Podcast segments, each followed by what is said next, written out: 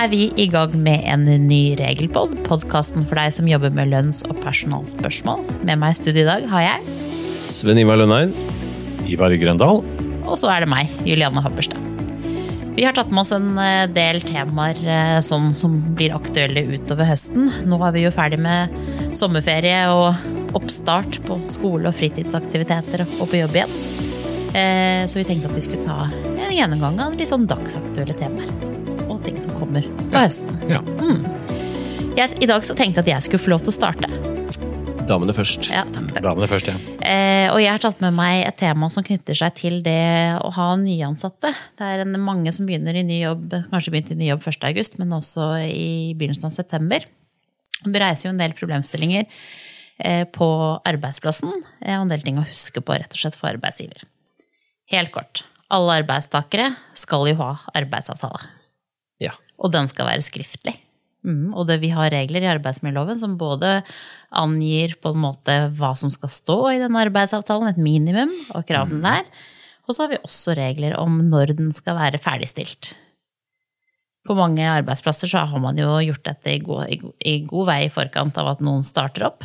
Men eh, vi hører stadig vekk om på supporten arbeidstakere som starter opp uten at man er helt i havn med den formelle skriftlige arbeidsavtalen.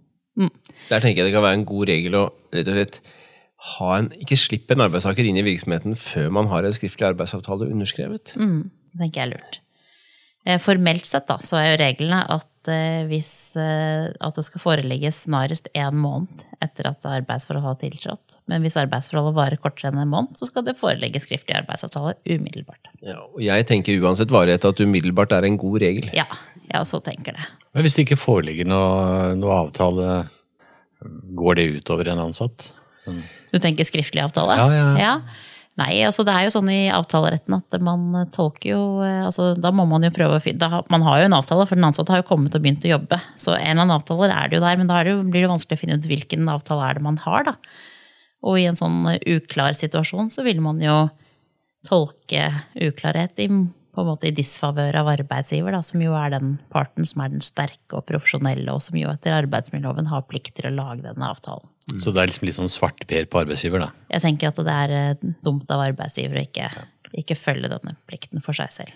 Mm. Et par gode ordtak der er jo at som arbeidsgiver så er det sjelden lurt å være struts. Altså stikke hodet i sanda og tro at bare jeg ikke gjør noe, så går dette fint. Ja.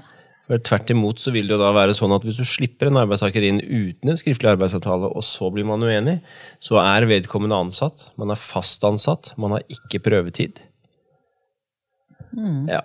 Ja. Så derfor, hovedregelen bør jo være få arbeidsavtalen på plass på et stykke papir før en ansatt tiltrer. Og dette bringer oss over til mitt neste tema, og det er jo akkurat dette med prøvetid. Jeg tenker jo at eh, det, som vi sier, arbeidsavtalen må foreligge i forkant, og der må det være en skriftlig avtale, tenker jeg. Eh, altså ikke må etter loven, men et godt råd å ha en avtale om prøvetid. Eh, og så må man ikke bare ha den avtalen skriftlig, kanskje også med en klausul om forlengelse, hvis det er aktuelt. Eh, men man må jo også faktisk følge opp den ansatte i prøvetidsperioden. Sant? Lage et system hvor man på en måte gir eh, opplæring og oppfølging, og hvor man på en måte påtaler og påpeker eh, arbeidsprestasjon eller atferd som man ikke finner hensiktsmessig. For en av grunnene til at man har prøvetid, er jo fordi at det er jo en litt eh, eh, enklere vei å gå i forhold til oppsigelse. Eh, Det er kortere oppsigelsesfrist, og den ansatte har som hovedregel ikke rett til å stå i stilling hvis det blir tvist. Mm. Det er viktig, og særlig det siste tenker jeg er veldig viktig med hensyn Ja. å bruke prøvetid. Men det hjelper jo ikke Vi har jo en del tilfeller innom her hvor man har ansatte i prøvetid, og så er det to dager før prøvetiden går ut, og så skal man si opp noen. Og da er jo Man må jo også i en, prøve- en prøvetidsoppsigelse kunne på en måte dokumentere at den ansatte har fått beskjed om at eh, ting ikke er helt sånn som det skal, og fått en mulighet til å forbedre prestasjonen sin.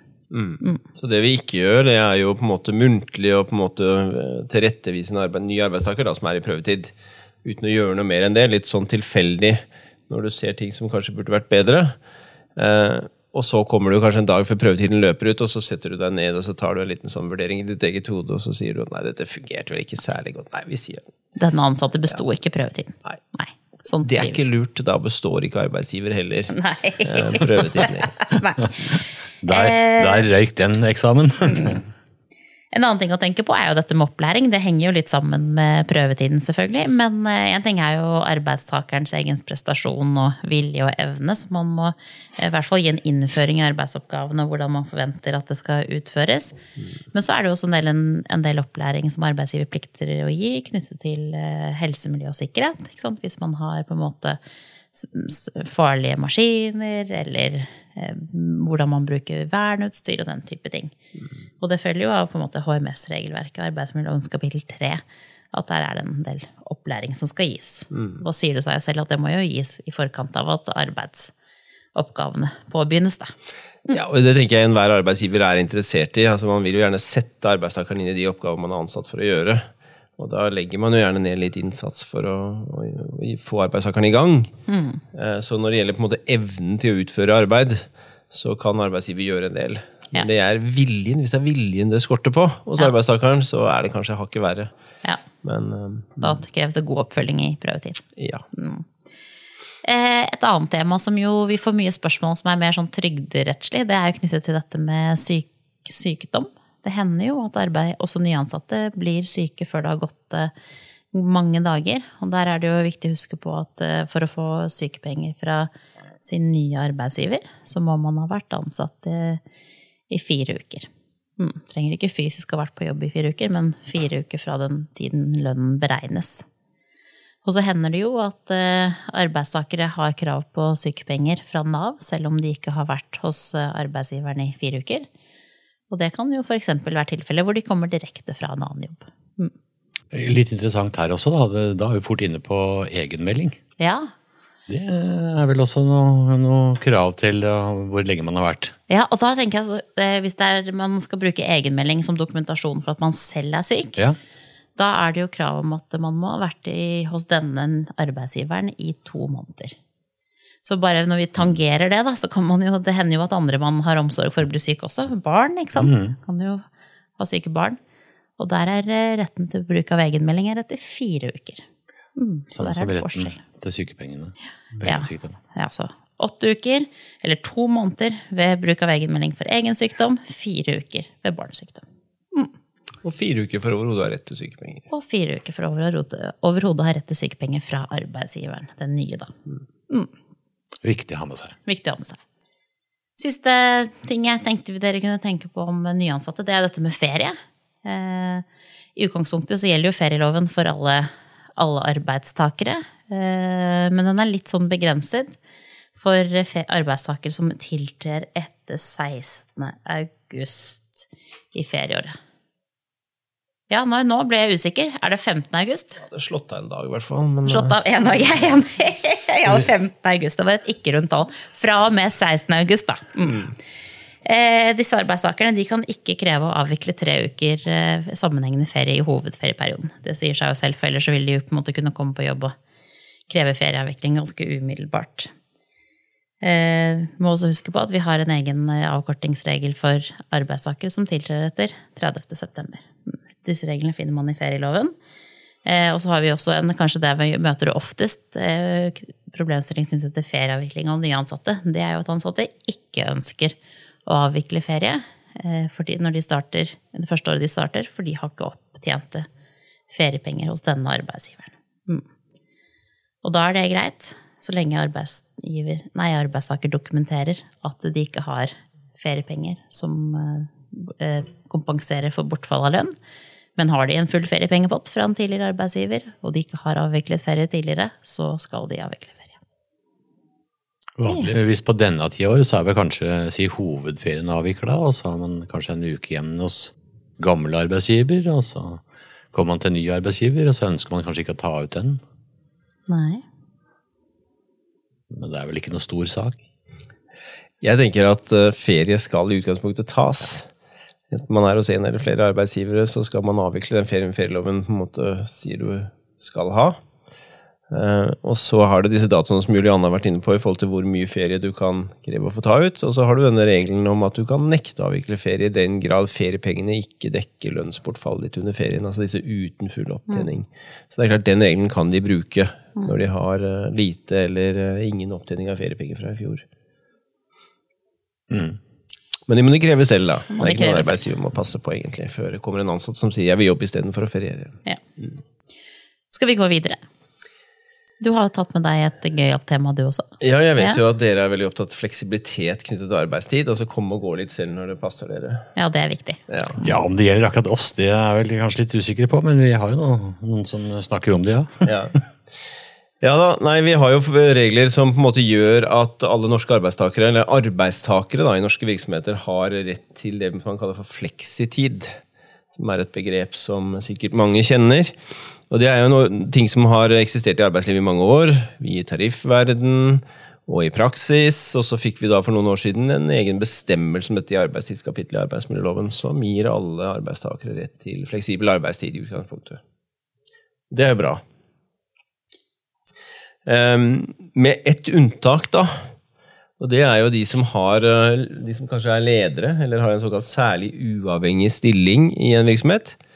De er unntatt denne bestemmelsen i paragraf 10-2 nummer 3 i arbeidsmiljøloven, hvor vi finner regelen. Men de har jo så mye fleksibilitet fra før i selve stillingen at det er kanskje ikke så farlig. Men kanskje derfor er de unntatt også. Ja, de har jo ikke samme behov, da. Nei. Nei.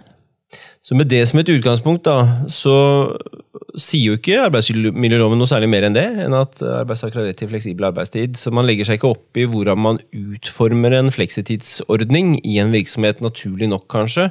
Fordi dette må jo tilpasses bedriften slik at den passer inn, og at den kan praktiseres uten at virksomheten eh, eh, får store ulemper av å innføre fleksitid. Og dermed, ja. Og det er jo et viktig poeng, fordi eh, det er ikke sånn at eh, man f.eks. i én virksomhet har krav på sånn som en samme type ordning som det man hadde før. Eh, Det her er jo fra virksomhet til virksomhet. Ja, så en helt konkret vurdering eh, om hvordan man lager det. Og i en sånn situasjon så vil jo også arbeidsgiver tenker jeg, ha ganske stor grad av styringsrett i forhold til vi, hvordan vi utformer innholdet i en fleksitidsordning hos oss. Eh, sikkerhetsventilen i lovverket er jo at man kan nekte fleksitid i en bedrift hvis en sånn ordning vil innføre det som kalles for en vesentlig ulempe. Da. Og det går gjerne på fordi denne regelen gir egentlig hver eneste arbeidstaker rett til en egen fleksitidsordning tilpasset sine egne behov. Og det er jo ganske spenstig. Så det gjør jo at en virksomhet fort kan få flere fleksitidsordninger å praktisere. Og i vesentlig ulempevurderingen så er jo det et moment i seg selv. Kanskje det vil være en vesentlig ulempe å måtte praktisere mange fleksitidsordninger, sånn at dette er vanskelig å administrere og få til. Ellers er det arten av bedrifter kan være et moment. Altså typisk tjenesteytende næring hvor man er veldig avhengig av å ha ansatte på plass til enhver tid, så man kan ekspedere brukere, kunder osv.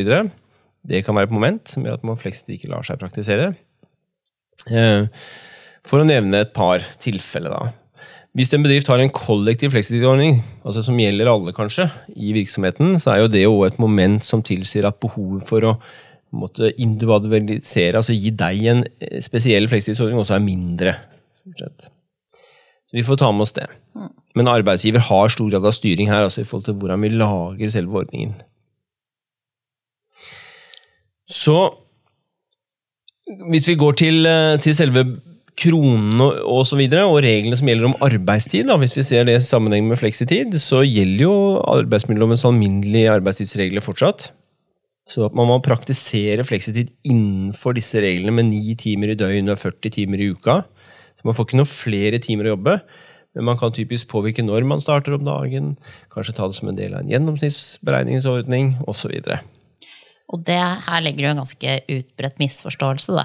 Og det er jo når vi er ute og holder kurs og snakker om overtid, så er jo et, eh, en kommentar som ofte kommer fra salen, er jo at nei, men eh, vi har fleksitid hos oss. Så her hos, eller hos oss så får ingen overtid. Eh, og det er jo ikke mulig eh, i utgangspunktet, for dette er jo arbeidstidsbestemmelsene i kapittel 10 som gjelder. Ja. Og der har vi jo faste innslagspunkt for når overtid skal beregnes. Ja, så Hvis du tar en ansatt som kanskje jobber elleve timer en dag, da, for, og dermed tjener opp noen timer på, på sin timesaldo, kanskje, eh, så kan man ikke si at og kanskje jobber man litt mindre dagen etter. Fordi man har behov for det, så er det flott, det. Men det blir overtid av tiden fra ni, eh, over, utover ni timer uansett i en sånn situasjon. Også. Det er litt viktig å ta med seg. Når det gjelder pengene, oppi dette her, så har jo arbeidsmiljøloven den gjelder jo også her. Når man jobber overtid, får man minimum 40% tillegg til timelønnen sin. Og vi kan også eh, lage, altså avspasere denne type ting, men da får vi avspasere timen og ikke overtidstillegget, som jo alltid skal ut i kroner. Når vi så har kommet så langt at vi har lagd en fleksitidsordning, så må vi passe på å få den ned i arbeidsavtalen til de ansatte. Dette er det jo et krav om etter arbeidsmiljøloven, at den skal fremgå der. Har man en kollektiv ordning, så kan det være kanskje greit å putte i en personalhåndbok, hvor alle kan lese hva som ligger i fleksitidsordningen. Det skal jo være kjent hva slags arbeidstidsordning man har, og hvilke muligheter. Ja. Ja, dette er jo et tema som er stadig tilbakevendende, hvor det er mange, alltid mange nye utfordringer og gode spørsmål knyttet til det med fleksitid. Vi kommer jo tilbake til det også på høstens lønnsforum. Ja, hvor Vi har jo dette som et tema. Hva når man på en måte står der ved årsskiftet da, og kanskje har en del timer til gode på fleksitidsordningen sin? Skal de utbetales ved årsskiftet, eller kan man overføre til neste år? Og kan arbeidsgiver slette timer ved årets slutt? det er et spennende tema da, på lønnsforum til høsten. Mm. Det blir bra. Ivar, du har kanskje tatt med deg et skattetema? Hoste litt først. Ja da, vi Ja. har en uh, liten skattesak denne uken også. Eh, og da er vi over på personallister. uh, og krav til føring av det. Det si personalliste. Det kom en ny melding nå fra Skattedirektoratet i sommer. Som erstatter meldingen fra 2013, er det vel. Så jeg tenkte du skulle bare ta med litt omkring det. Det er jo ikke noen store endringer, skal vi kalle det for det. Det er mer sånn presiseringer. Men eh, for de som ikke har hørt om krav til å føre personalliste, så gjelder det for serveringssteder, eh, frisør- og skjønnhetspleiere samt bilverksteder og eh, bilpleiebransjen. Mm. Det kan også være greit å ha med seg at der hvor du har eier som driver sammen med f.eks. kone eller samboer og barn under 16 år, eh, de er unntatt fra å føre personalliste. Sånn at det finnes også unntak. Så sier de da gjerne litt eh, mer om eh, hva ligger i begrepet serveringssteder. Eh, og der er det også ikke bare der hvor du serverer maten, men altså de som eh, lager mat og bringer den ut, altså cateringvirksomhet, inngår også innenfor det med serveringssteder. Ja, altså litt, litt større om, område enn det man kanskje Ja, skulle tro. ja, og så er det noen har nok tenkt at dette gjelder kanskje det er bare der hvor man serverer alkohol. Eh, Ja. Men eh, det har ingenting i denne sammenheng å gjøre. Eh, Ja, hvorfor skal vi ha personal, hvis det noen som har tenkt på Hvorfor har myndighetene satt et krav om at man skal ha personalliste i disse bransjene? Ja, altså Fra et arbeidsrettslig ståsted så tenker jeg kanskje at det er for å forhindre sosial dumping. At eh, det skal være på en måte synbart hvem som faktisk er på jobb, og at det går an å kontrollere at de får sine rettigheter oppfylt. Annet etter denne allmenngjøringsloven. Det er nok et viktig moment. Eh, Et annet moment som kanskje er viktig. Ja, jeg vil jo tro at kemneren skal ha sitt. Ja, Du er vel kanskje inne på innetier der. Genialt, Julian. Eh, frisør og skjønnhetspleie. Det er ganske morsomt det som står her, da. Eh, hvor de skriver at eh, ja, de fleste skjønner vel hva frisører er. Eh, men hva skjønnhetspleie er, er vel ikke kanskje like enkelt for alle å skjønne. Så de har faktisk da satt av liksom lista opp litt her. Jeg skal bare ta det ned, for jeg syns det, er- det er gøy. Ja. Det er ansiktsbehandling, manikyr, herunder legging av kunstige negler og pedikyr. Nettopp. Ulike former for kroppspleie, velværebehandlinger, eh, farging av vipper og øyebryn, tatovering av øyebryn, øyekontur og lepper, jeg vet ikke hva det er, men det står noe her, tannblikking og piercing. Det er liksom en del av skjønnhetspleie og inngår da i kravet om at man må ha personalliste hvis man har ansatte. Jammen kan man lære mye hvis man leser disse skattedokumentene. Ja, ikke sant. Og så skal vi bare ta med oss en par ting til før vi er ferdig for dagen. Veldig mye ukjent for meg der av den pleietypen. jeg må si det. Men Ja, jeg har ikke sett så mye piercing på deg akkurat, gutten min, men de øyenbrynene dine har jeg begynt å lure litt på. Er, Men- vi får gå tilbake til skatten, da. Vi får gå til skatten min, ja. ja eh, bilverksteder og bilpleie. Og der har de altså brukt eh, SSB-kodinga i forhold til hva bilpleie er. Det er også lista opp i denne meldinga. kan også ta med eh, hva lista skal inneholde. Eh, legitimasjon må vi ta med først. Det er litt kronologisk her. Og da er det krav om at eh, de ansatte man har på jobb, eh, enten må de da framvise pass eller annen gyldig legitimasjon. Da snakker vi om eh, altså at må være bilde. Eh, Førerkort, bankkort, de, de, byggekort eksempel, med bilde, det er, eh, er greit. Enten må man da ha det tilgjengelig, eller så kan arbeidsgiver ta en kopi og ha det liggende ved kontroll. Og hva sier liksom GDPR-eksperten vår om det? Har dere tenkt noe innenfor den banen? Det kommer vi tilbake i en senere regel på, tenker jeg. For det er interessant. Eh, man sier også litt hva lista skal inneholde. Det er uh, med alle de personene som er, inn, inn, er i bedriften, men uh, er du bare innom for å si hei og ikke jobber, så trenger du ikke føres på lista. Du skal inn med personnummer eller D-nummer, og for hver dag man er innom, så er det start- og sluttklokkeslett for når personen har vært der. Så det er ganske interessant, dette her, altså. Ja, ja. Eh, Helt til slutt kan føres eh, manuelt eller elektronisk. Det står også litt krav eh, om kravene til når det skal være elektronisk. Det skal være lett å hente fram det her når vi er kontroll. Hvis man nå ikke gjør dette her, så er det faktisk muligheter for at myndighetene kan straffe med et såkalt overtredelsesgebyr. Det ligger på ti rettsgebyr. Og Et rettsgebyr er vel litt over tusenlappen, så da er vi på rundt 10 000 kroner. Og så sier de at ved gjentatt overtredelse, det er godt norsk ord, innen tolv måneder så er det et nytt rettsgebyr på 20. Altså 20 rettsgebyr. Og så kan man få tilleggsgebyr på inntil to rettsgebyr for hver person som ikke er registrert riktig i listen ved kontroll. Så det kan altså koste en del kroner ved at man ikke følger kravet til føring av personalliste. Mm, Så dette må man bare få på plass. Dette må man få på plass. sånn. Og for de av dere som er innenfor bransjen dette er interess interessant å lese, så kan dere gå på Skatteetaten under rettskilder og Skattedirektoratets meldinger. Den ble publisert i månedsskiftet juni-juli. Interessant. Ja, da er vi ferdig med de faglige temaene vi hadde med oss i dag. Jeg hører rykter om at dere skal på tur. Vi skal på tur! Vi skal visst det til Ja. Trøndelag, er det det? Er 22. til 24. oktober. Da drar Lønneid og Grøndal på seg eh, skikkelig opparbeidede bra barter og reiser til Britannia. Det er Trondheim. Der skal det underholdes med diverse faglige temaer. Det blir lønnsforum, eh, brukerkonferanse, sosialt samarbeid, tur til eh, holdt på å si Notre-Dame. Det heter vel ikke det oppi der? Nidarosdomen er kanskje Der nærmere. er vi på ja. Men da er det altså eh, konferanse, eh, Ja. hvor vi er innom de faglige temaene som vi diskuterer i denne podkasten. Og så har vi også med oss noen flinke lønnskonsulenter. Ja, det er viktig å ha med seg. Som eh, har systemkurs knyttet opp mot de temaene vi snakker om, og opp mot andre eh, tidsaktuelle temaer. Det er både, mot ja, både Hult Lillevik, Visma-lønn og eh, Payroll. payroll. Ja, så bra. Da gjenstår det bare for oss å takke for oss. Takk for i dag. Takk, Takk for i dag. for i dag.